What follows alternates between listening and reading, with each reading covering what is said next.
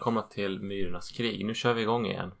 Och eh, idag tänkte vi bege oss ut på vägarna och se vad de har att erbjuda i skräckväg.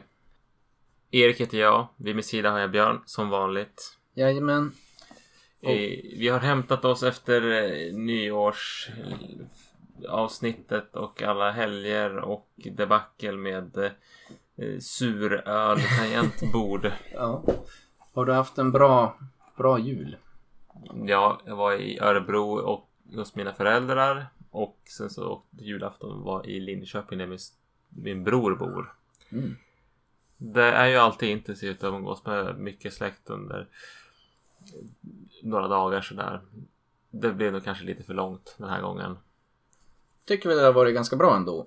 Eh, Vi jobbade ju julhelgen som sagt. Det var ganska jobbigt på jobbet faktiskt. Men annars tycker jag att vi liksom skarvade och körde lite julfirandet och ditt och datt runt omkring julen istället för på faktiska julen. Men det har varit trevligt och ganska skönt också att det blev ganska avskalat. Det är mamma och pappa och min syrra Mm. och hennes pojkvän och min fru. Så att det är som inte så mycket olika folk att förhålla sig till och hade inte några högre ambitioner om att träffa så många andra heller. Och det kändes ganska skönt, det var ganska lagom. Vi har fått eh, se på lite filmer och spela lite spel och ja, i skräckens tecken så har vi i mellandagarna också spelat Exorcist Legion till Oculus Rift Virtual Reality tillsammans med Erik och min syrra. Det var jäkligt intensivt. Eh, jag som är föräldraledig fick ju lämpligt nog eh, den episoden där man ska rädda ett spädbarn från eh, en besättande demon. Den blir besatt av en demon. Ja, det var ju, det hade väl någon sorts övergripande story om att man följde en exorcists utredningar i spåren. Som tog en till ganska olika ställen och med mycket olika tema men där den här exorcistens utredning man, som man förföljde då antydde att det var i princip en och samma demon som man jagade efter hela tiden. Ehm, men det var allt från eh, hemsökta bebisar till kyrkor till någon karantänzon i Haiti och eh, ditt och datt. Men det är otroligt intensivt tycker jag att spela skräck i, i virtual reality. Men det är en ganska rolig gruppaktivitet för man, man, det är så pass intensivt att man orkar inte med så länge. Men då kan det vara ganska kul. Då byter man ibland. Ja, man byter av varann. Och så har man ju slängt upp det som den som spelar ser då på en skärm som de andra kan sitta och titta och följa med. Och lite grann coacha liksom. Och man behöver ibland lite vägledning för man är så inne och bara... Ja, jag vet inte. inte skita ner sig ibland när man är inne i spelet så att man kan behöva lite guidning och någon som eh, lotsar en åt rätt håll. Men det var kul. Jag tycker det i, i rätt sällskap så är det en väldigt rolig aktivitet. Men jag använder det nästan aldrig när jag är själv. Utan det... Ja, Det är nog lite för intensivt skulle jag tro. Mm, mm. Jag höll ju på att flippa ur när den här bebisen började hitta på otäckheter. Ja, jag tycker det är roligt också när man spelar där alla som sitter bredvid och coachar är liksom bara, ja men gå dit, ja men gå dit. Och så är, när man är inne i spelet själv bara, ja jag vet det, jag måste bara samla mig lite först. Och när man sitter utanför då ser det ganska tamt ut. För det, ja jag vet inte, närvarokänslan blir ju gånger hundra när man är inne i själva virtual realityn så att säga. Men det kan se ganska tamt ut om man ser ibland, i vissa gånger i det där scenariot satt vi och funderade, men vad håller han på med? Varför han håller på att fippla runt i något dockhus nu i två minuter? Och så är det som bara, ja. Jag vill bara samla mod. ja precis. Ja, men det är, är väl det som jag tycker nästan är virtual reality har en väldigt stark potential. Jag tycker att det är många VR-spel i och för sig som är roliga ändå, men Mm. det blir som en extra en extra nivå av skräck när man kör det i VR helt enkelt. Mm. Jag är inte jag är nöjd med köpet men det har lite ett begränsat användningsområde. Så att det blir mest sånt som jag gör när man har folk över och Mm. lite som ett event. Kan man köra igenom något sånt där skräckspel. Yes. Ja. Ja. ja, annars så har jag igår så hade jag första gången kontakt med en, eh, en fan kan jag väl inte säga att det var, för det var mer en som var intresserad av att höra vart vi finns att lyssna på.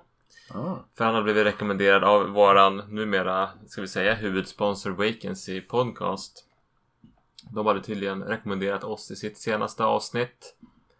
Där de pratar om 10-talets bästa skräckfilmer. Nu har jag börjat, bara lyssnat en bit på det här. Det är en av mina favoritpoddar som jag har följt länge. De har lite ambitiösare eh, nivå på sitt 10-års special.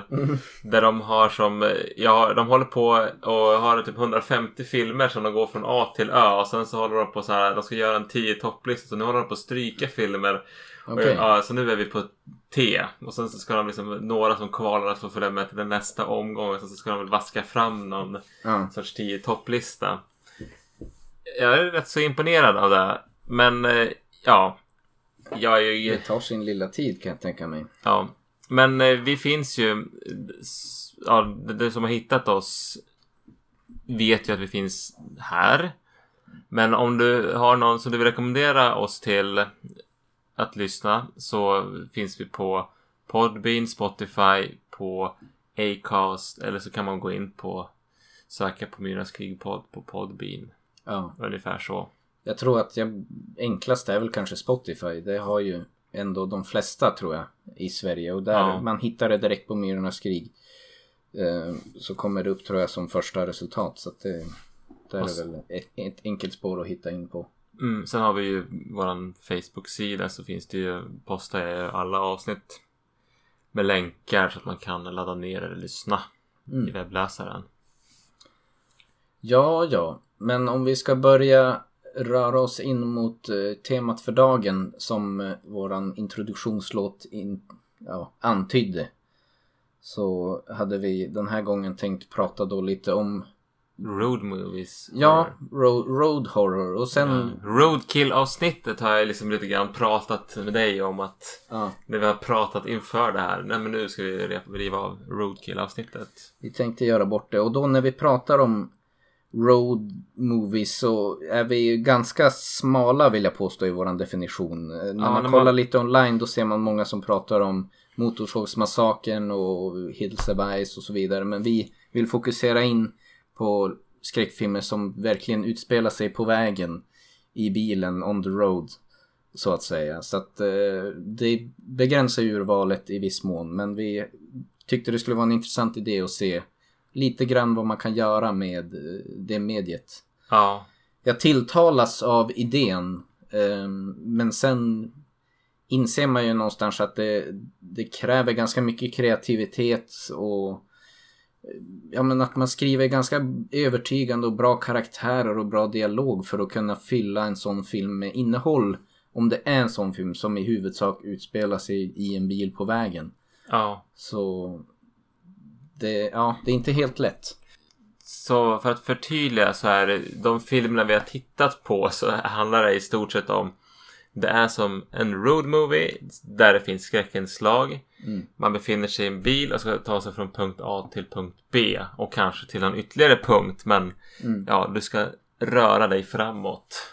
Eh, och eh, så blir du utsatt för ett hot på vägen. Så Motorsågsmassakern, ja men de ska ju röra sig från punkt A till punkt B. Men om man, och det, jag tycker det finns inslag som jag tycker verkligen gör det till en bra road movie på sätt och vis. Men det är en så himla liten del av tiden som förlöper i filmen som är i den här folkvagnsbussen eller vad det är nu för buss de åker i. Ja.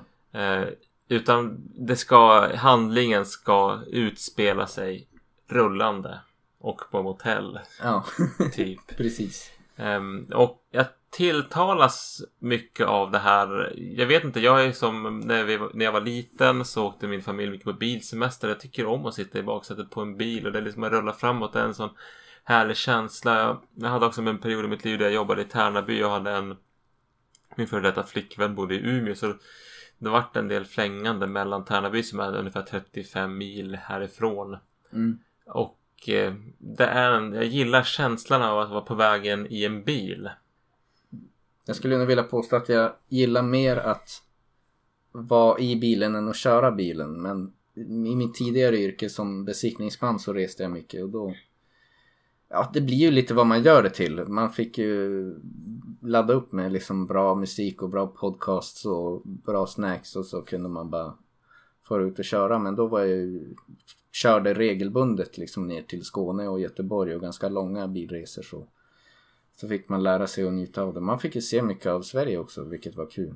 Mm. Ehm, men det, ja, det har väl inte egentligen så mycket med dagens avsnitt att göra så. Ja, men på sätt och vis inte. Men det, jag tycker ändå liksom den känslan och det, det ger en smak till de här filmerna som jag tror att om man ska lyckas med road kill eller road horror eller vad man ska säga Ja, är det lite grann att lyckas fånga den här känslan lite grann som är rätt så flyktig ändå. ja visst, absolut.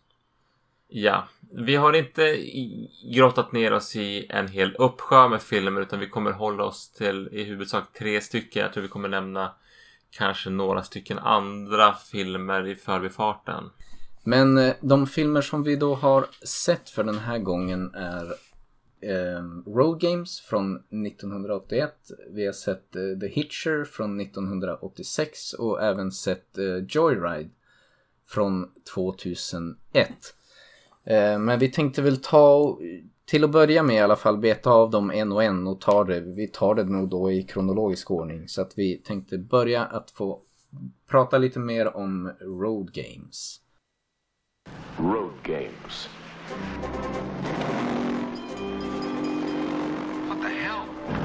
The truck driver plays games.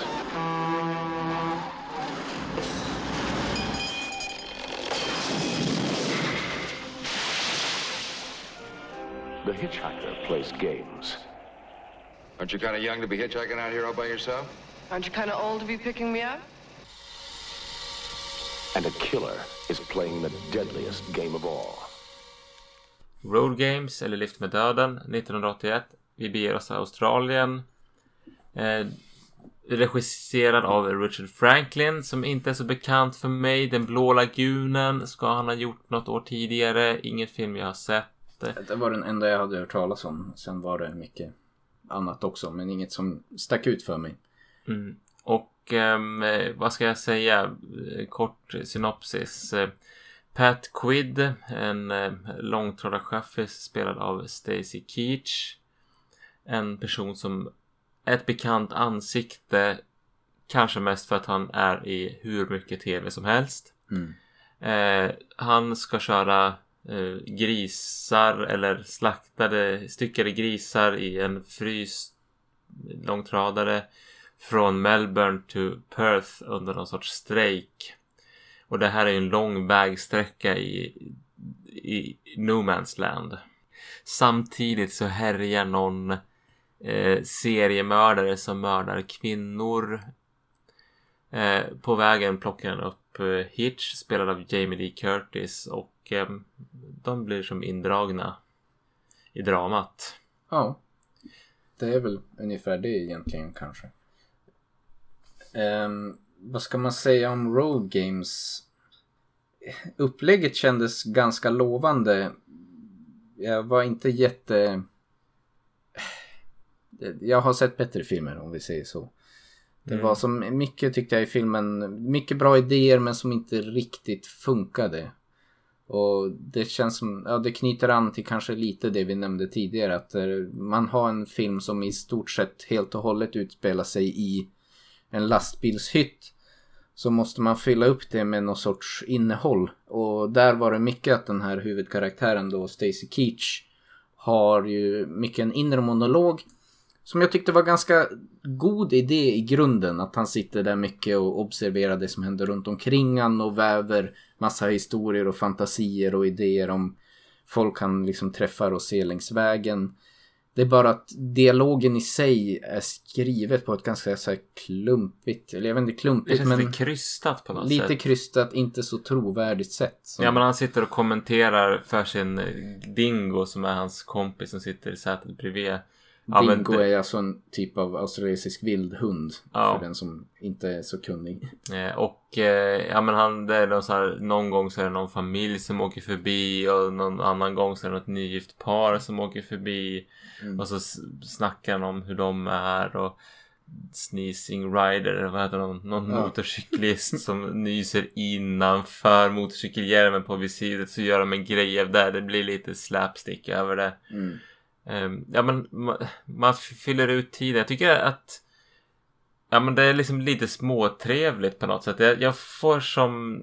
Det är väldigt mycket fönstret mot gården, den här Hitchcock-filmen. Jag vet inte om du har sett den. Men där är det ju en person som sitter med ett brutet ben och tittar mot innergården där han bor. Och det är Jag tror jag har Jag- sett nya versionen med, vad heter han? Christopher Reeve. Nej men den här med LeBuff. Suspi... Nej, heter den Suspiria? Det är någon där eh, Shia LeBuff blir typ fast i sitt hem fast då har han en fotboja istället. Ja, Disturbia. Disturbia, så heter Ja. den. Den har jag sett. Ja, men men det... det, det är ju liksom en, en genre i sig nästan. Men eh, Fönstret mot gården kanske är det liksom närmare till hans. närmare till hands för mig i varje fall. Men Mm. den osar väldigt mycket Fönstret mot gården i det sättet att kommentera. Och det är lite så här. Jag tycker att det är trevligt att följa det där. Mm. Jag, jag har liksom ingenting emot det. Nej, alltså det jag kanske vill slå ner på det var att det, det är bara liksom hur hans inre monolog är skriven är lite krystat. Det Och- känns som att den, han, han för det som om för att det ska funka på film. Ja, att man, han bryter lite fjärde väggen. Att det känns som en monolog skriven för en publik. Inte för någon som sitter själv bakom ratten och lite så här. Men jag undrar hur det här, ja, så funderar han. Nej, precis. Utan han eh, undrar för våran skull, inte för sin egen skull. Ja. Ja, och sen är det ju också en aspekt i den här filmen som också blir ganska så här slapsticky och lite märklig. Att jag förstår att de vill knyta an till ett visst antal karaktärer som de kan utveckla och göra lite mer med. Men då är det ju istället då så här i den här filmen att han gång efter annan springer på samma personer hela tiden. Vilket till slut blir nästan bara absurt.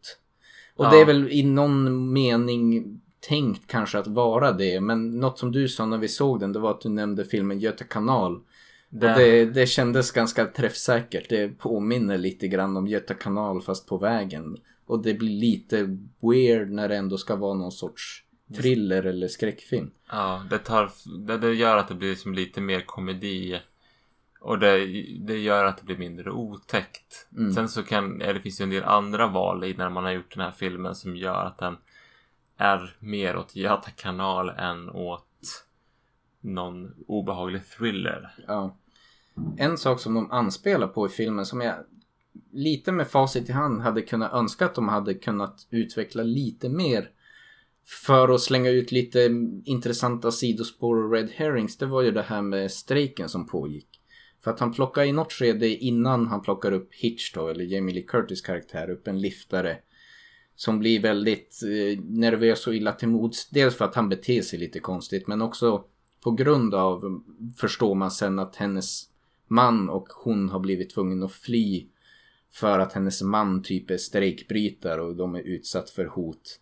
Och de, det kändes som att de började på något spår där, där man kunde ha något litet sidospår där han hamnar i och med att han är ju, han är ju effektivt sett också en strejkbrytare som ska transportera de här grisköttet. Eh, de pratar mycket om att det är kris för att det är liksom slut på kött på grund av den här strejken och han ska leverera grisar då till Perth. Och att han, eh, det kommer ju in en liten mordhistoria här med den här seriemördaren då men att man skulle kunna haft ett lite mer utvecklat sidospår kring idén om att han är strejkbrytare och man antyder det väldigt kort en stund men släpper det ganska fort. Och det tror jag hade kunnat vara en ganska intressant Att del att ha med och, och liksom knålat ut- vidare på den och kavla ut det här till något annat. Ja, Eh, annars så jag stör mig nog mer på en sak än vad det kanske har effekt i filmen. Men det är ju mycket så skörda. Vi har varit inne på de här. Det dyker upp en massa karaktärer i början. Den här Sneezing Rider som sagt. Och det är en barnfamilj och det är någon gubbe som har, kör en bil med massa bollar i, Mm. i, i baksätet. Och man gör någon rolig ordvits på det. Det blir lite Ja men under tiden, filmens gång så dyker de här karaktärerna upp igen och då dyker karaktärerna upp så att de verkligen fyller ett syfte för handlingen. Och eh, jag upplever liksom lite grann att Ja men den här personen som vi... Eh, Hitch... Nej, Pat Quid. Eh, lastbilschauffören som vi följer. Ja men han åker ju och ska ta sig från punkt A till punkt B. Och eh, han passerar förbi de här och eh, ditt och datt och ändå lyckas de liksom dyka upp framför honom. Samma sak med Hitch, Jamie Lee Curtis. Han åker förbi henne tre gånger innan han plockar upp Ja. henne. Hur fasen kan han som typ non-stop åker i princip åka förbi en liftare tre gånger? Ja, det blir väldigt märkligt. Och det känns som också... Eh, jag vet inte. En del payoffen för vissa av de här karaktärerna är ju också så här ganska... Med. Där det är som, ja men typ den här bollbil. Det var som att hela den delen med att det finns en karaktär med massa bollar i bilen är bara för att han i någon scen ska typ kunna snubbla på bollarna. Eller den här snubben som håller på att frakta sin båt. Och, ja, jag vet inte. Det är lite konstigt allting. Och det är väldigt så här bara okej, är alla typ på väg till Perth och alla åker bara nonstop mot Perth. För det enda vi ser, man ser honom att han verkligen är pressad också på tid. Att han måste hålla på och köra hela tiden. Och han gör en poäng av att han får aldrig liksom sova. Han, polisen håller ju i något skede till och med på att gripa honom för han håller liksom inte reglerna för han kör mer än vad som är lagligt att köra i sträck. Men Ja. på något sätt så lyckas alla de här andra på vägen hela tiden komma om honom så han kan köra om dem igen och igen. Och det kanske någonstans får man väl bara Köpa det. köpa det och inte kanske grotta ner sig för mycket i Det är den en, en film som inte tar sig på så stort allvar så det är väl bara acceptera. Det är väl, jag accepterar någon på något plan. Och därför blev det liksom inte olidligt. Ja. Vissa andra filmer kan man ställa högre krav på på något vis. Jo, eh, sen ur rent skräckaspekt så det är ju ganska sparsmakat ändå. Men Jag tycker en... i början, ja, ja, vi, vi kan ta det i kronologisk ordning. Jag vet vart du vill komma tror jag. Go. Men i början så är det liksom man eh, får ju som se, man får inte se mördaren men man får ju som se uppbygg, liksom Ja, preludiet till Ja. ett mord. Mm. Och det är, jag tycker det, är jättesnyggt. Jag, jag kommer, det är som ett Giallo-aktigt. Här, man, man ser en som har så här bilhandskar, så här snygga bilhandskar. Och så, så tar han en gitarrsträng. Och man, man får se liksom förberedelser inför det här mordet. Det är liksom det här efter ett samlag. Det är en naken kvinna i ett annat rum. Och han, eh, mördaren, är i ett väldigt ljust upplyst rum. Alltså det är skit, jag tycker att det är skitsnyggt gjort. Mm. Och sen så liksom bygger det upp till att det ska bli ett mord. Och sen så när, precis när det här mordet ska ske. Nu är inte jag en sån våldsfetischist. Men det känns som att är man ute efter en skräckfilm där det ska ske något riktigt obehagligt. Så klipper de precis när det ska bli riktigt obehagligt. Så det hinner inte bli obehagligt. Ja. Men det är fram tills där tycker jag att det är. Det, det var otroligt snyggt gjort. ja, det var bra. Den scenen. Men det är nästan bara den scenen. Men det som är i filmen då är att uh, Pat Quids karaktär är ju eh, var ju egentligen tilltänkt till det här rummet på motellrummet där det första mordet sker och sover. När han tyvärr fick det rummet bokat från sig så väljer han att sova på parkeringen till det här huset. Men blir lite suspekt mot en person som jag vet inte vad det var. Han går upp jättetidigt på morgonen för att slänga massa sopor som han tycker är suspekt. Och så man förstår ju att han är en karaktär som har väldigt livlig fantasi och så börjar han ju föreställa sig att det här måste vara någon mördare. Han håller på med något fuffens. Och sen får han höra på radion också om att det finns en mördare som går lös och då blir han ännu mer misstänksam. Lyckas identifiera vilken bil den här snubben som han är suspekt mot har då. Och det blir också en av de här återkommande karaktärerna längs vägen som han är misstänksam mot och tror att det kan vara den här mördaren. Ehm, men mycket av det andra skräckmässiga i filmen är ju lite grann bara att han springer på den här bilen och ska försöka se vem det är som är i bilen. Det blir lite spänning runt det där. Ja. Jag tycker det finns, ehm, ja men du och jag reagerade ganska mycket på den här scenen då, när eh, Pat Quid och Hitch övernattar och det blir åskväder. Ja, den var riktigt bra tyckte jag. Det finns Hitch då, det är ju en kvinnlig karaktär, liftare som han kör förbi flera gånger och till slut väljer att plocka upp Som också verkar ha en ganska livlig fantasi och gå igång på hela hans idé om att det är någon mördare och vill att de lite grann äggar på honom ännu mer för att de ska försöka kolla upp vem den här misstänksamma snubben i bilen är.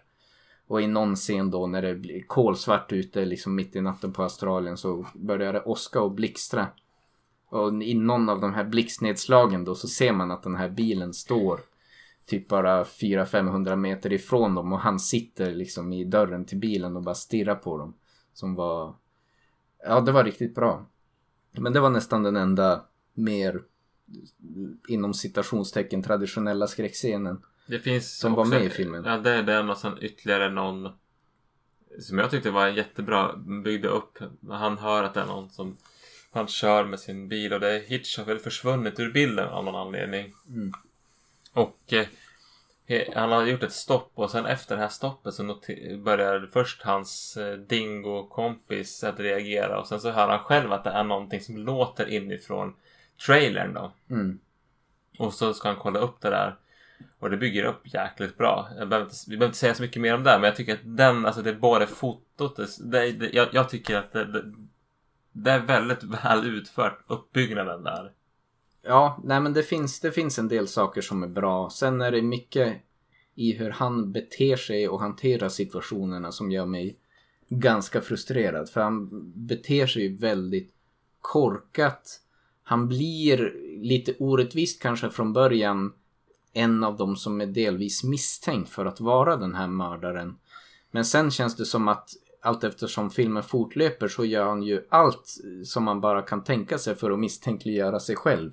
Ja, bara slutscenen är ju som, men vad i helvete liksom. Ja. Han, ja, jag ska inte säga vad som händer men eh, om man ser filmen så är det bara, men det här är ju, det här är så jäkla idiot. Det, det, känns, man, det känns som att det här skriver de bara för att göra det mer spännande. För det här är för dumt för att Ja, det var väldigt svårsmält och det var nästan liksom en punkt i filmen där det var som Ja men jag hoppas den riktiga mördaren kommer undan och att han åker dit för allt. För att allt han har gjort nu gör det nästan förtjänt att han ska liksom åka dit. I, I hur han hanterar situationen och försöker inom citationstecken då lösa det. Men eh, Ja, jag kanske inte har... Jo, en sak till som jag måste ta upp med filmen. Som lägger lite sordi på skräcken i filmen det är också hur de har valt att tonsätta det hela. Och det var en sak som jag tänkte på för länge sedan i våran sommarpodd så kollade vi åter på Hajen-filmen. Och med det sagt, Hajen har en del väldigt bra tonsättning. Men har också en del sån här tonsättning där det är mycket mer äventyrsfilm över det. Och det tyckte jag var något som gick igen i den här filmen. Att det inte... Tonsättningen är väldigt så här... västernäventyr istället för mörk Ja, road horror. Så att det, det la lite sordi på skräcken i många scener när det var Även i en del väldigt så här högintensiva scener så var det väldigt så här Ja men glad äventyrlig musik som jag tyckte inte riktigt passade för ändamålet I min mening Ja, sen så tycker jag det är lite synd. Man, det känd, jag fick en känsla av att Jamie Lee Curtis typ hade fyra dagar on set för att de inte hade riktigt velat betala mer. Att hon är som en, ja men hon var en stjärna här. Det var ju liksom precis efter Halloween. Ett hett namn, ett bra dragplåster och det var lite grann det som gjorde att jag själv fick upp ögonen för den här filmen och ville se den i podden. Mm. Att ja, men hon är med här, då är det säkert en, som en bra slasher-aktig skräckis. Mm. Och jag tror att många på den tiden också tänkte så. Men det känns när man ser filmen så känns det som att hon är en sån som man inte hade så mycket tid att spela in. Så hon är med väldigt Ja men hon är med en del men inte så mycket men hon är ändå en av huvudrollsinnehavarna. Det gör att det blir lite skumt. Ja, visst. På det stora hela får jag väl ändå säga att det var en... Nej, jag, jag, jag tror inte att jag skulle rekommendera den här filmen till någon som inte... Är man väldigt kanske liksom skräcknörd och skulle fråga mig specifikt om filmer som handlar om vägen så maybe. Men som film... Nej, jag tyckte inte den var jättebra. Jag tyckte den var lite små trevlig, lite mysig. Jag, jag trivs mycket på vägarna. Samtidigt så ska jag väl krypa till korset och erkänna att jag höll ju på att fippla med min brasa som jag hade när vi tittade på filmen. Så jag, jag kan inte ha varit så himla fängslad heller. Mm. Eh, så nej, man behöver inte se den här filmen. Det, man går inte miste någonting. Har du mycket tid att döda och liksom ligger i sjuksängen och har absolut inget annat för dig och är sugen på att se en film som är rätt så lättsmält och inte så allvarlig men och man behöver inte vara så himla engagerad. Ja men så var den ändå inte otrevlig. Okej då. Men jag hörde mycket om och men där. Ja. I, det, Yes. I den framställningen. Men eh, ja, det var i alla fall Road Games från 1981. Heading west on the long, lonely highway, only his dreams for company. Until told me never to do this. before many miles, he'll wish he'd taken his mom's advice. When Jim Halsey let the hitcher into his car, he opened the doors of hell. Ja, andra filmen som vi hade sett inför avsnittet var ju då The Hitcher eller Liftaren från 1986. En film av, i regi av Robert Harmon som jag på hans resumé egentligen inte eh, såg så mycket annat som jag kände igen. Men annars har vi i huvudrollerna Rutger Hauer som är också känd från Blade Runner och eh, C. Thomas Howell som jag verkar ha gjort en hel massa väldigt produktiv skådespelare men eh, bland annat med E.T. och Spider-Man och lite annat smått och gott. Eh, men The Hitcher handlar då om eh, Jim Halsey som är Thomas Howells karaktär som har tagit ett jobb att eh, transportera en bil då egentligen som någon har köpt eh, från eh, punkt A till punkt B. Jag kommer faktiskt inte ihåg exakt vart Ja, det är de väl rör någon sig. stad, typ Chicago eller Detroit eller något sånt där som ska till västkusten-ish. Ja, och tänka att det här ska vara ett enkelt och smidigt jobb. Eh, För han ändå, vill ju ändå fara iväg.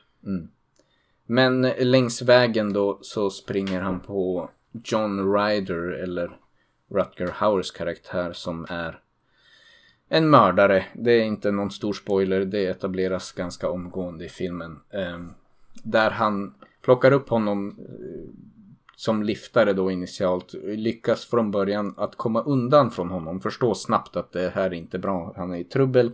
Lyckas komma undan från Rutger Hauer men blir sedermera mer eller mindre förföljd av Rutger Hauers karaktär som skapar massvis med kaos i hans omgivning och han vill bara i princip försöka komma därifrån. Och det är väl kort och gott handlingen mer eller mindre.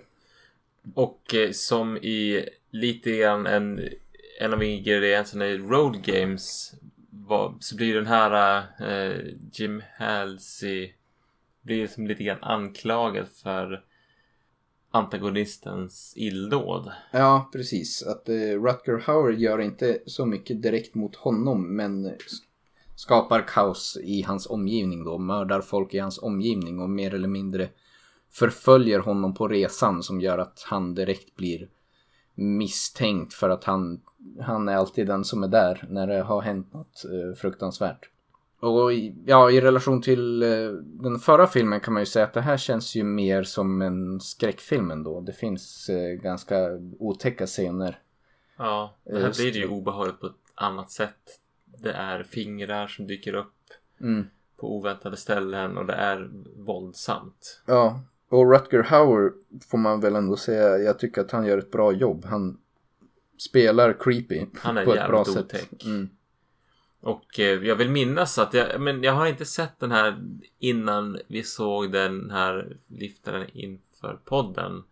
Men har skymtat den här filmen för det här är ju som, som rullar på Ja, ändå. det här Och är nog en film som ganska många ändå har sett. jag, jag tycker att han, han har varit jävligt obehaglig Mm. de gångerna.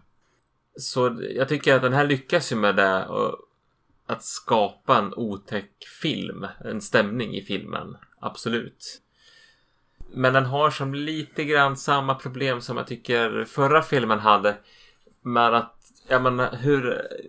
Ja men den här personen, protagonisten åker från punkt A till punkt B. Han rullar på och ändå så kommer den här jäckande antagonisten alltid varit som ett steg före honom. Det stör mig. Det tar mig ur filmen lite grann. Ja, det blir Det är lite svårsmält när han kör liksom plattan i mattan bara för att komma undan och försöka ta sig därifrån och den här eh, antagonisten då, Rutger Hauers karaktär, är hela tiden dyker upp igen och igen.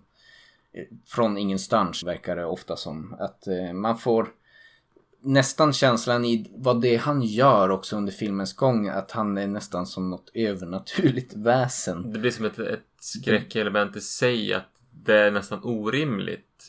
Jag börjar ju tänka, är det här liksom... Det finns vissa delar av filmen som kanske säger emot denna läsning av filmen. Men jag, ibland läser jag den som filmen att, ja men är det så att det är Jim Halsey som skapar ett alter ego. För att han får en psykos och att förödelsen som är hela tiden honom hack i häl är skapat av honom. Ja.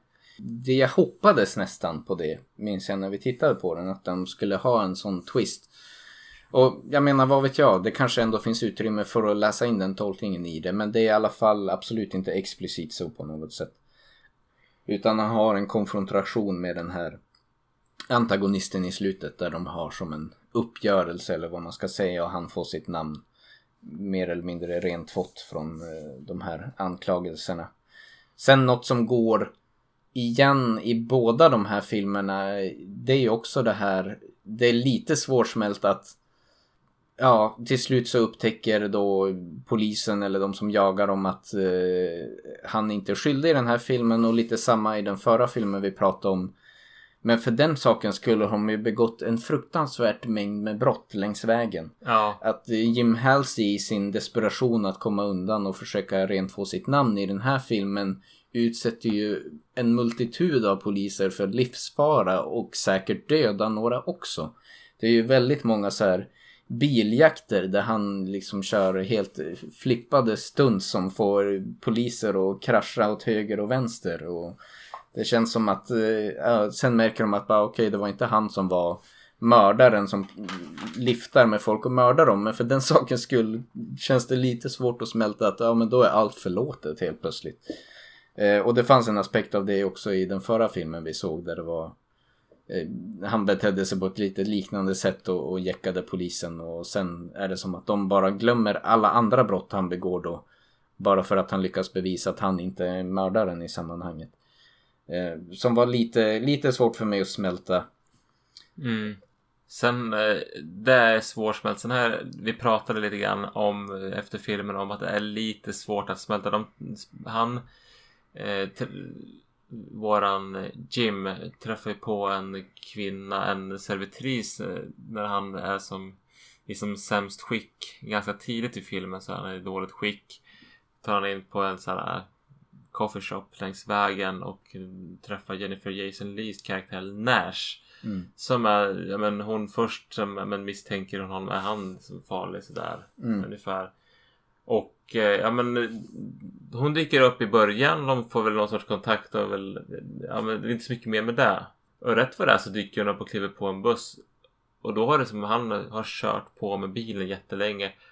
Och det är som både just, jag har lite svårt att acceptera, har de klivit in i ett maskhål och hamnat ett- 100 mil längre fram längs vägen. Ja, och sen så är hon liksom, hon vänder, hon gör val som en människa. Skulle du göra så här för en okänd människa? Hon gör saker som jag har svårt att köpa att en människa gör. Ja. Han, i den situationen där de träffas först så är ju John Ryder då, eller skurken i sammanhanget, de hack i häl och det uppstår en situation där hon rimligtvis inte kan dra så mycket annat än slutsatsen att det var Jim Halsey eller då den här goda inom citationstecken karaktären som de facto är mördaren för polisen kommer dit och griper honom och tar honom därifrån. Han kommer senare undan från polisen men i alla fall det, det känns som att det är sammanhanget som hon vet. Och sen i nästa situation där de träffar varann så behöver han bara ge henne en liten blick och typ säga nej men det var inte jag. Så har hon helt, helt plötsligt köper hon det hull och hår och går liksom till väldigt ja, gör väldigt extrema saker eh, till förmån för att skydda honom som kändes också väldigt så här lite eh, som en blixt från klar himmel. Ehm, Mm.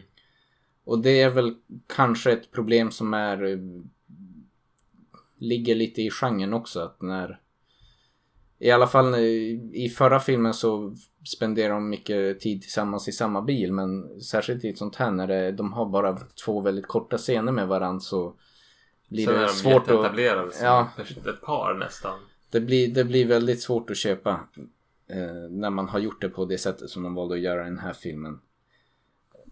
Det, men, det, men det är någonting som på något vis man kan som en biobesökare kanske kan svälja det för att det är så ett Hollywood-narrativ funkar. Man, accept, man har lärt sig att acceptera sånt. Mm. Så därför är det kanske inte så dåligt. Men med lite närmare eftertanke så är det, känns det som orimligt. På ett Ja. annat plan. Alltså om man ska fortsätta köra en viss jämförelse så tycker jag att det var mer saker i förra filmen som jag störde mig på när jag såg filmen. Det är mer saker i den här filmen som jag stör mig på efter att jag har sett filmen. Alltså en filmupplevelse i, när man är i filmen så är den ju tätare, otäckare och bättre på en del sätt. Men när man med lite närmare, när man tänker på det. Ja. Jag var som engagerad genom hela den här filmen. Jag tyckte att det var spännande i stort sett hela tiden. Sen var det som en del saker som poppade upp och kändes eh, lite märkliga och tog en ur stämningen lite grann. Men på det stora hela så tycker jag ändå att det var en tät, spännande nog något jag närmare skulle vilja kalla en action-thriller. För det är väldigt mycket biljakt och explosioner också. Men, eh, Men det men finns ändå. många element som jag, jag tycker placerar inom skräckgenren. Mm. Sen tycker jag att det är, det är bra hantverk. Det är som jag tycker de skådespelarna sköter sig. Fotot är bra. Jag tycker det, det håller ihop på uh, filmmässigt. Ja, På ett bra sätt. Manusmässigt, ja. Men annars, ja men det var en, en, en rekommendation skulle jag säga. Ja, men jag, absolut. Jag tycker att The Hitcher det är ändå en underhållande film. Den har delar av sig som är ganska korkade när man tänker efter lite grann. Men eh, det är nog inte en sån film som man ska tänka efter för mycket när man ser. Utan man ska bara enjoy the ride så att säga. Både bokstavligen och bildligt talat. Och då är det ändå en underhållande film med mycket spännande scener och ändå ganska roliga, dråpliga på ett sätt men roliga, välregisserade och, och galna biljakter eh, längs vägen. Så att det finns mycket att hämta här. Eh, så att det är nog ändå en film som jag absolut skulle rekommendera om man är beredd på vad man ger sig in på. Eh, ja, men jag tycker när man eh, jämför Road Games med The Hitcher så känns det lite grann som att The Hitcher det här är en bara en spekulation men det känns lite som att The Hitcher har de som har gjort den filmen har tittat på Road Games och sen så bara nej men vi måste göra det här mer otäckt. Och sen har de gjort det mer otäckt. För det är på en del sätt två ganska lika filmer sett till uppbyggnad Mm. och eh, dramaturgi kanske. Men här har man gjort det våldsammare och läskigare. Absolut. Men eh, kanske inte, kanske bara är en slump. Nog om det. Nu tar vi och rör oss 15 år framåt i tiden. This fall, Are you guys ready for an adventure or what? everything you say Candy cane. We saw what you did to that guy. You pathetic, lonely freak show. will come back to haunt you. You really should get that fixed. Get what fixed? That tail light. Eh, Joyride eller Roadkill 2001. Regi John Dahl. Ingen känd regissör för mig. Eh, I eh, rollerna har vi Ja, vi har Lewis, Paul Walker. Lewis är alltså karaktären. Paul Walker, känd från inte Need for Speed som jag alltid tänker utan Fast and the Furious. Yes, han lever inte längre. Han körde ihjäl sig. Steve Sun spelar hans brorsa Fuller. Och eh, vad har vi mer för roller? Lili Sobieski, känd från... Jag vet inte riktigt. Nej, det känns som både Steve Zahn och Lili Sobieski är de såna här skådespelare som man känner igen men är svåra att placera och jag tror att de är sådana som gör mycket olika, dyker upp här och där i tv-serier och i biroller liksom. Steve Zahn har jag sett som en huvudrollsinnehavare i en film som jag tycker om. Happy Texas som handlar om två, de har flytt från ett fängelse sen så hamnar de i en by och spelar ett gaypar som är frisörer eller något sånt där. Steve Zahn, han, han har en glimt i ögat som går genom rutan. Jag tror att det är där han som gör att han har en filmkarriär eller tv-karriär. Ja. Jag personligen tycker ju att Steve Zahn är ju en bättre skådespelare i min bok än Paul Walker. Absolut. Det känns som att Paul Walker var mycket en, eh, han är jävligt snygg. Ja. Och det, det är mycket det som har gjort honom, att han har fått arbeta mycket. Um, han har säkert kvaliteter också. Jag har inte sett han i så jättemycket filmer förutom Fast and the Furious. Men det känns som hans roll i Fast and the Furious är mer att vara snygg och köra bil. Typ. Ja. Ehm, Steve Zahn är mer en spelevink som är kul att följa med på upp, galna upptåg. Till synopsis på den här filmen. Eh, Lewis eh, ska, han har köpt en bil. Han ska plocka upp sin, ja men han är lite kär i Venna som går i college i en annan stad. Så Lewis har köpt en bil, ska plocka, åka till, och hämta upp henne inför något lov. På, ja, men när han är på väg så får han höra att eh, struliga storebrorsan Fuller har precis blivit släppt från häktet. Så han, ja men jag ska göra något åt det här hållet. Så jag plockar upp honom. Han blir väl i princip uppmanad av sina föräldrar att om du ändå ska ha vägarna förbi kan du väl plocka upp din struliga brorsa också. Ja, nej, Typ. ja. Men ja. Och eh, han gör, sagt och gjort, han gör det. Och eh, Fuller som är, ja men han är bokstavskombinationer. Mm. Så han eh, blir ju snabbt uttråkad och låter installera en polisradio i denna bil. Och eh, börjar som prata med folk som far längs vägarna. Eller vad det nu är. Den, den har fått kontakt med andra änden ungefär så. För att fördriva tiden på vägen. Och eh, det slutar väl med att de spelar spratt som de inte skulle ha gjort. Mot fel person. Ja. Han spelar typ prostituerad eller i alla fall som att han försöker ragga på någon lastbilschaufför som finns i andra änden av radion och bestämmer någon dejt med en av de här lastbilschaufförerna där de i princip eh, ja, trollar honom då inom citationstecken. Ja, alltså, de, de tar in på ett hotell. Där hamnar de i kö bakom en väldigt osympatisk person. Så de lyckas lura den här lastbilschauffören de tidigare på dagen har pratat med i radio. Att ja men träffa oss på det här motellet, på det här rummet. Och då lurar de den här lastbilschauffören till samma rum som den här osympatiska personen är. Det. Och det slutar inte så bra för honom. Mm. Där kan vi. Där börjar... Där börjar skräckfilm. Ja. Ehm, ja, vad ska man säga om Joyride? Jag tycker att, eh, alltså ärligt talat, nu kanske jag snackade lite skit om Paul Walker, men jag tycker egentligen att alla tre huvudkaraktärerna som åker i den här bilen då gör ett ganska bra jobb. Ja, jag tycker Paul Walker är ju den här stiffa personen som Men han behövs lite. tygla den här äh, Fuller. Äh, Jag tycker att nej, men de, de, De kompletterar varandra på Ja. ett bra sätt. Och det som de har till sin fördel i den här filmen jämfört med de tidigare filmerna vi har sett är att alla de här har en relation sedan tidigare. Så att eh, det, de behöver inte, det behöver inte bli några logiska luckor. Det finns etablerat redan. ja, allting är liksom redan etablerat. Och den här tjejen då, Venna, eller Leila Sobieskis karaktär, är ju ett barndomsvän till eh, Fuller. Nej, inte Fuller. Lewis karaktär.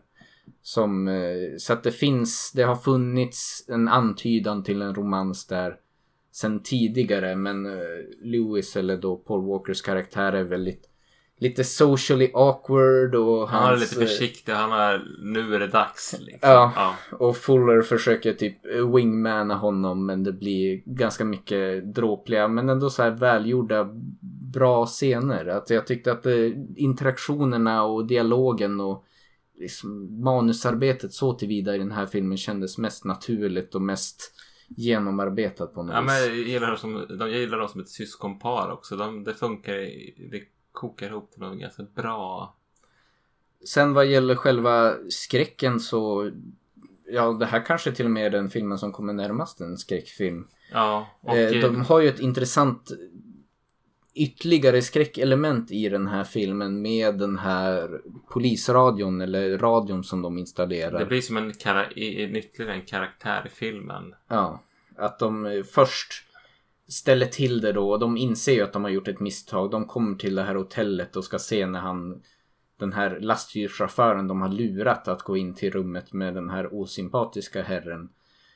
Så förstår de ju att han har råkat illa ut och de tänker att oj shit det här var inte bra. Och de bara försöker sticka därifrån så fort som möjligt. Men sen dyker den här lastbilschaufförskaraktären upp på deras radio igen och igen och de börjar mer och mer inse att nu är vi i deep shit för den här snubben är ute efter hämnd. Liksom. Uh, och det, ja, men det var ändå så här ett bra sätt att introducera ett nytt skräckelement i filmen som skapade mycket stämning när han dyker upp i deras radio igen och igen och börjar prata och säger obehagliga saker. Annars är det ju som, annars är man ganska begränsad i vad man kan göra ute på vägen. Då är det ju som bara bilar som kör. Men när man har eh, tillskottet av den här radion, det, det är som en till dimension som tillför mycket obehag och i hur de bygger upp stämningen i filmen på ett bra sätt. Tycker jag. Mm. Och det är ju, jag tycker att det är någonting som man kanske kan ta till framtida filmskapande om sociala media och ditt och datt. Att just det här när man... eh, De använder ju radion, de är ju anonyma, det är ingen som kan spåra dem liksom. Och sen så rätt vad det är så är det där skyddet borta. Mm. Och det här är någonting som jag tycker, det, det, det är någonstans där som jag tycker eh, nerven i filmen funkar, är bäst. Ja, Och det här är någonting man säkert skulle kunna spinna vidare på i, i dagens informationsteknologi och göra mycket spännande på. Eller kanske inte, inte vet jag, men det finns nog några saker att hämta där Mm. om man använder det rätt. mm. Och inte bara göra det till någon gimmick. Här tycker jag de använder den på ett bra sätt. Det är inte bara en gimmick att de sitter och snackar i radio. nej. Eh, en sak som jag tyckte väl rent pacingen i filmen var kanske lite weird. Jag minns att när vi såg filmen att det är som de börjar det är först bara brorsorna i bilen, de spelare sprätter på lastbilschauffören inser att eh, nu är vi i trubbel och sticker därifrån och sen ska de plocka upp den kvinnliga karaktären. Och sen är det ett väldigt långt break där det är i princip mer av ett college-drama där han gör obekväma närmanden mot den kvinnliga karaktären med hans brorsa som försöker wingmana honom på lite awkward sätt. Och det är som en ganska stor del av filmen innan skräcken kommer igång igen. Ja, i, Och- den, I den tredje akten då, det här tycker jag är lite tröttsamt med filmen att ja, men då ska hon bli kidnappad. Ja. Men det, det är lite weird pacing in my opinion. Där eh, de håller på med det här college-drama-delen av filmen ganska länge. Och det, den delen kanske behövdes men jag För att lugna man- ner det lite grann på något sätt. Men det är på något sätt tycker jag inte att det är för obehagligt och otäckt innan för att man behöver lätta på trycket Nej. så sett. Och med det sagt, college-drama-delen för den som nu gillar eh, college-drama så Det var inte den hemskt. jättedålig. Det funkar ju. Ja, det finns en del bra roliga scener där men det var som Man hade det tillför inte så mycket till i alla fall vi var satte oss ju ner och tänkte att nu ska vi titta på skräckfilm och då hamnar man i ett läge till slut där man som bara okej men när börjar skräcken igen? Eh, och det, ja, det vart lite utdraget kan jag tycka. Men eh, det beror lite grann på vad man går in med för förväntningar tror jag. Annars de spännande delarna av filmen som är väl egentligen första och tredje akten är ju annars ändå väldigt spännande. Absolut jag. Absolut första akten tycker jag är jättebra. Tredje akten det blir lite tröttsamt men jag tycker den, alltså i förhållande till första akten, den är outstanding tycker jag. Mm. Tredje akten är helt okej. Så jämför man den med första akten i filmen så är den inte så bra men jag tycker ändå att den håller ihop. Och ja, spännande. Sen är det väl lite sådär det är väl egentligen inte någon kritik men den kändes inte som en 2000-talsfilm tycker Jävligt jag. mycket 90-tal. Den kändes början. Ja, otroligt 90-tal. Att, Mm. eh, och det, that's neither here nor there. Det är inte varken kritik eller hyllning men det var Det, Det kändes är- inte som att den utspelar sig, det, som jag förstod det skulle den föreställa att utspela sig i nutid. Men det kändes som att det var de facto typ 92-93 eller något sånt där. Ja, den känns väldigt daterad på ett trevligt sätt. Ja, den väldigt fin kameraåkning i början när man så kommer in i något så här college-dröm när man åker förbi någon freestyle och det är, ja men det, jag tycker det var mysigt. Ja. Det var en tripp, nostalgitripp för mig. Ja. Absolut. Jo Den- men vi är ju barn av 90-talet så att eh, Mm. är man från eh, 80-tals Född på 80-talet någon gång då kan man nog hitta mycket att gilla i den här filmen bara i estetiken på något vis. Jo. Eh, sen eh, jag tänker på om man jämför med de här The Road Games och eh, The Hitcher så har den här lyckats på något sätt fylla igen de logiska luckorna mycket tack vare som du sa innan, man har redan etablerat karaktärerna så det blir liksom inte förhastade karaktärsutvecklingar och sådana här maskhål eller Ja. vad man ska kalla det. Där karaktärer helt plötsligt dyker upp igen fast man har passerat dem för länge sedan och de borde liksom inte kunna finnas framför dem på vägen. Mm. Och här Eh. finns det ju det här breaket också i mitten där de rymmer undan från hotet i filmen men sedermera tänker att ja men nu har vi kommit undan, nu är vi safe och liksom lugna ner sig och stanna på några ställen och ha fest någonstans och ditt och datt som ändå gör att det känns rimligt att den här personen som jagar dem då ändå kommer ifatt. Det är inte så att de kör sig plattan i mattan och helt plötsligt är han 10 mil före dem på vägen i sin lastbil från ingenstans. Lite bättre skrivet och de använder också den här radion att fylla de, det, det finns de får ut en del spänning ur den Mm. Mm. Eh, absolut sen så tyckte jag det är en sak jag kom en scen som jag tycker är lite märkligt de, den här osympatiska gästen på motellet som de eh, lyckas lura monstret inom citationstecken att gå på dejt med Ja. eller gå på en rendezvous.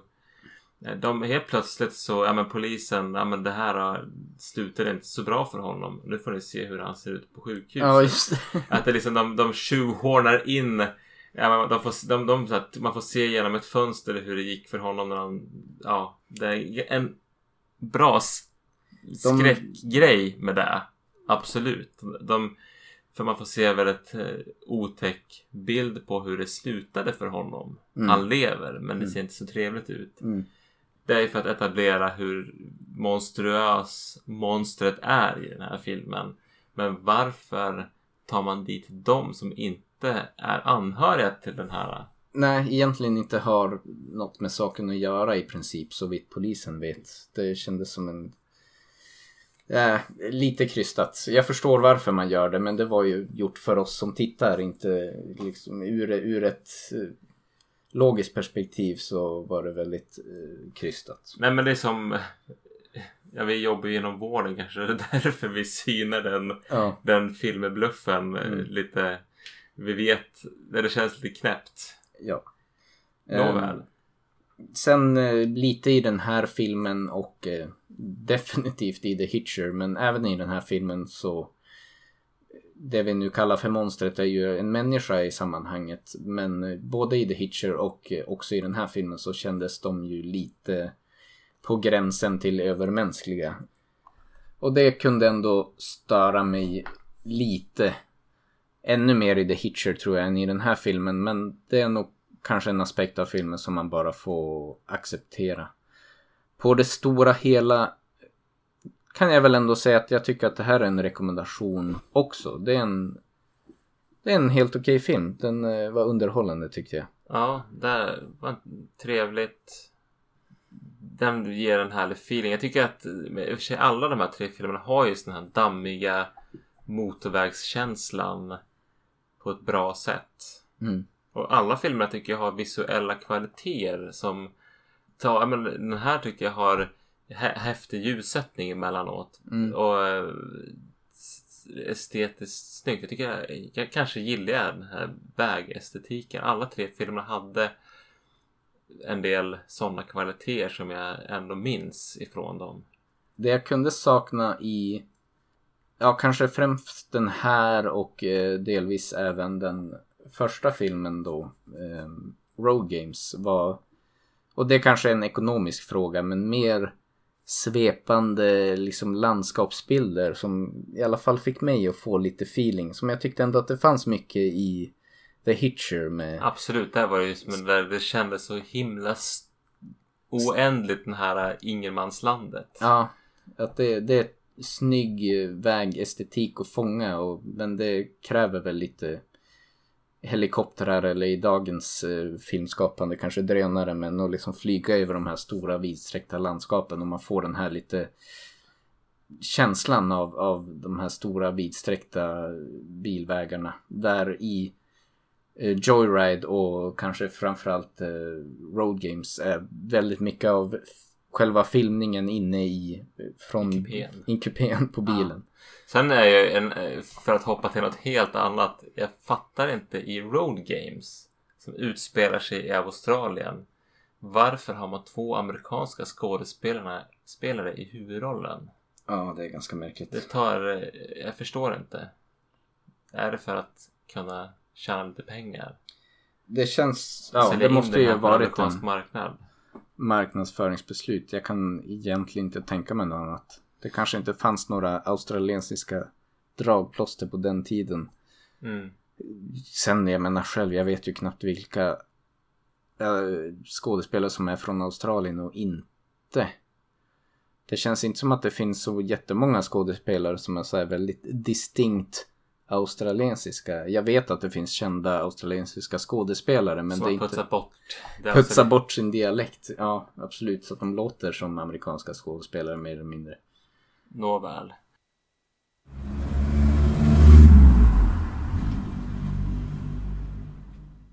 Vad säger du om de här tre filmerna som i, jag vet, när vi har pratat om det nu? Alltså man ska säga så här.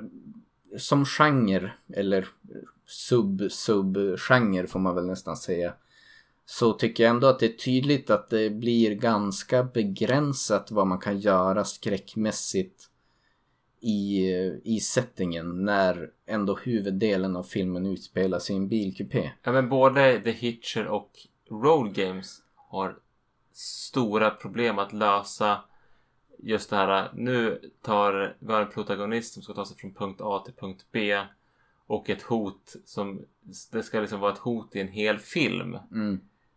Det liksom, det, de måste ta till de här logiska luckorna för att karaktärer ska komma igen och igen och utföra ett hot eller utgöra en annan vän på vägen. Ja, jag tyckte Joyride hittade en ganska smart lösning där med bilradion och att de utnyttjar det som ett stort element för att bygga tension och spänning i filmen. Där i Hitcher och, och Road Games så blir det ganska mycket för att ja, nu kom plötsligt en bil igen och nu kommer plötsligt den där bilen. Att det, det är inte så mycket man kan göra. Eh, Road Games hade ju några ganska smarta scener där med eh, bilen som stod parkerad i natten och man såg den lysas upp av blixten och när han var inne på att någon var inne och meka in i hans eh, trailer med grisarna men ja det, det är inte alldeles lätt genre att jobba i tror jag. Det är så begränsat. Det är, om man låt säga vi pratar lite grann om ett spökhus. Då är man på en plats över längre tid och då kanske platsen kan vara hotfull. Men befinner man sig på en väg så kan liksom inte vägen vara så himla hotfull och då måste hotet röra sig. Och det, jag tror att det är där någonstans det blir svårt att skriva och spela in en film. Ja. Och fortsätta ha hotet på något sätt. Eh, jag vet, tar Steven Spielbergs Duellen. Som handlar om någon som ska åka till ett jobb i en annan stad och sen så hamnar han i bråk med, eh, eller, eller vad man säger, en sorts duell med en lastbil. Där ut, är utförandet bättre men jag tycker ändå inte riktigt att det håller just för att det blir som lite enahanda just det här de kör om varandra och det, det är liksom eh, chicken race på ett sätt. Det Mm. blir lite utdraget där också även om han lyckas bättre på många plan. Ja, annars har vi väl, vad har man annars om man ska kunna röra sig i den genren? Maximum overdrive kanske? Men då är de ju infångade på en plats av... Ja, det är ändå Eh. lite annorlunda typ av film. Ja, det, eh, det är jag mycket skulle väl- bilar i fokus men inte så mycket vägar om man säger så. Nej, eh, Dead End tycker jag väl är en rekommendation. Den tyckte jag... Där handlar det ju om en familj som är på väg typ till ett julfirande. Sen så tar de någon sorts omväg och sen så... Där är det ju mer kusligheter i form av spökerier eller vad det nu rör sig om. Det kan jag rekommendera. Wrong. Turn har jag inte sett. Men det låter som någonting som skulle kunna vara en... eh, Wrong turn har jag sett men det är ju, då hamnar man ju, om vi nu ska Är det mer vara mot Sågsmassakerns genren? Ja, alltså det är inte, det är inte något mycket fokus på bilarna i sammanhanget utan det är basically The Hills Have Eyes fast sämre. Okej. More or less. Mm. Ehm, jag försöker tänka på, ja en eh, tangent men en uh, skräckscen i väldigt så här road kill-genren. Det är inte en film i sig, det är en sån här YouTube skräckserie som jag har sett som jag ändå tycker är extremt effektiv. Då har de ju, det finns ett YouTube-klipp på det när de mer nyttjar eh, bildatorer som vi har moderna bilar idag på ett väldigt effektivt sätt för att bygga skräck där det är någon som är ute och kör och det är mer i, gjort det i fan footage-stil och man får följa att han följer instruktioner från den här bildatorn som är liksom bara next turn left typ one kilometer left to your destination. Och sen när han kommer fram till den här destinationen som bilradion pratar om då ser man ju framför bilen att det är något väldigt skumt monster som rör sig och han börjar backa därifrån och vänder om bilen och kör därifrån och så hör man fortfarande hur bilradion pratar om eh, Your destination is right behind you. It's getting closer typ. Och det var jävligt obehagligt klipp men det är ju bara ett klipp i en, i en större serie som inte handlar mer än om bara vägar. Men jag tyckte att det var ett intressant sätt att bygga tension och skapa skräck när det då är det egentligen då den här bil-GPSen som typ spårar ur och trackar något form av monster som följer efter bilen och man hör hela tiden hur den uppdaterar han som kör om att Your destination is coming closer typ.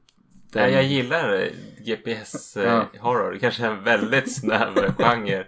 Sen visar du det här, det är något klipp som du visade mig som faktiskt var ganska läskigt. Det är något, någon som åker bil. Så får man, han fotar från någon sorts kamera i bilen. Det här är väl också found footage.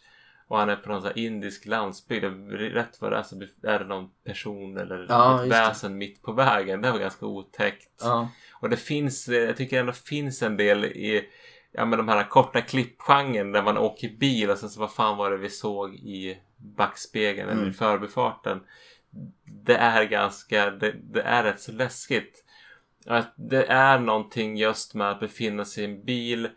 Man sitter bekvämt, det är varmt, man rör sig, det är eh, upplyst men det är väldigt begränsat upplyst i en strålkastarljuskäglor Ja. man är både lite trygg för att det är varmt men samtidigt jävligt utsatt. Det är en väldigt bräcklig trygghet Mm. på något vis. Ja, det, jag... det finns mycket att hämta där. Ja, skulle man göra någonting liksom mer i väggenren då skulle jag vilja se något, hellre något i den stilen som är mer åt spökhållet fast road liksom relaterat. Eh, jag minns när vi var små så fanns det någon sån där typ urban legend om en väg utanför Umeå bort mot en kompis stuga där det påstods finnas en kvinna som hela tiden stod och bad om lift. Eh, och om man plockade upp henne så liksom Då var det kört. Då var det kört typ. Eh, som var något form av spöke då. Men eh, det var ju bara någon sån här urban legend. Men mer en film i den stilen. Så här vägsnuttar som man ska hålla sig borta ifrån. ja, Jag tror det finns säkert mycket sånt att hämta i Sverige med så militära hemligheter eller vidsträckta norrländska glesbygdslandsvägar. Och det finns, jag tror det finns ju mycket spännande att bygga på här. Det behöver Ja. inte vara någon långfilm utan bara och andra, nyttja andra miljöer. Alla tre av de här filmerna är ju ökenlandskap. mycket sand och Ja. ja. Och det, där finns, ja, det, det kanske finns utrymme för en, en svensk road horror med eh, lite kusliga inlandsvägar och övergivna villor längs vägen och ditt och datt som man hade kunnat jobba med för att skapa någonting ganska obehagligt. Men eh, sammanfattningsvis eh, känns det väl som det har varit lite kul att se. Vi har rekommenderat några av de här filmerna men för mig, ingen av dem är väl kanske några som kommer gå in på några topplistor för mig. Det är en lite svår genre att skapa skräck i tyckte jag. Av det vi såg. En del av filmerna var underhållande. Jag tyckte inte någon av filmerna var särskilt läskig egentligen. Nej, men det är som trevligt. Jag har haft hyfsat trevligt men nu är det lite skönt att kunna lämna det här. Jobba vidare mot någon ny snäv sub- subgenre. Ja. och hitta på. Eh, s- så vi kan väl säga att vi slutar med vårt roadkill-avsnitt eller roadkill-filmerna på det sättet eller vägskräckisar. Mm. Eh, apropå vandringssägner. Jag eh, har börjat titta på eh, Channel Zero. En tv-serie som är gjord i USA. Det är inte så många avsnitt per säsong. Jag tittar på säsong 1 nu. Och Channel Zero säsong 1 bygger på en creepypasta som heter Camel Cove. Hört talas om den? Nej. Ja men det är värt att kolla upp. Den creepypastan tar inte lång tid att läsa igenom. Eh, är ganska kuslig creepypasta. Och eh, den här, de har lyckats sträcka ut det här till en eh, hel säsong med skräck. Men jag tyckte att den var överraskande trevlig. Inte så fasligt läskig men väldigt spännande. Det kanske finns något eh, djupdyk och något framtida poddavsnitt att göra om just vandringssägner. Ja, Eh, jag är jäkligt peppad på det. Vi såg ju även Candyman härom eh, dagen som faller nog in i den kategorin. Ja, absolut. Så det kommer nog bli under året här. Men jag Ja. tror härnäst så tror jag vi kommer fortsätta på våra jorden runt-resa. Ja. Eh, jag vill inte lova för mycket men vi har väl span på några länder. Indonesien, Indonesien eller Filippinerna. eh, Någonstans där. Någonstans där. Vi måste Ja. till Asien känner jag. Det, Ja. det är dags nu. Eh, så där blir nog februariavsnittet. Ja. Med det sagt. Jag får tacka så mycket för att ni har lyssnat och jag hoppas att ni vill fortsätta följa oss under 2020. Tack och godnatt. Livet är för kort för att inte köra fort. Plattan i mattan så har jag alltid gjort. Häver ur vägen för här kommer jag. Från storstan till fjällen med fart och med drag. Alla bybor och bönder, farten är fri. Håller till höger och släpp mig förbi. Passa er nu när jag kommer och far. För jag har ett frikort som ni på taket. Jag har takbok på taket. Jag har takbok på taket fram till april Med takbok på taket kör jag som jag vill. Och jag är kurvornas kung Jag gör det igen. Det står 50 på skylten men 125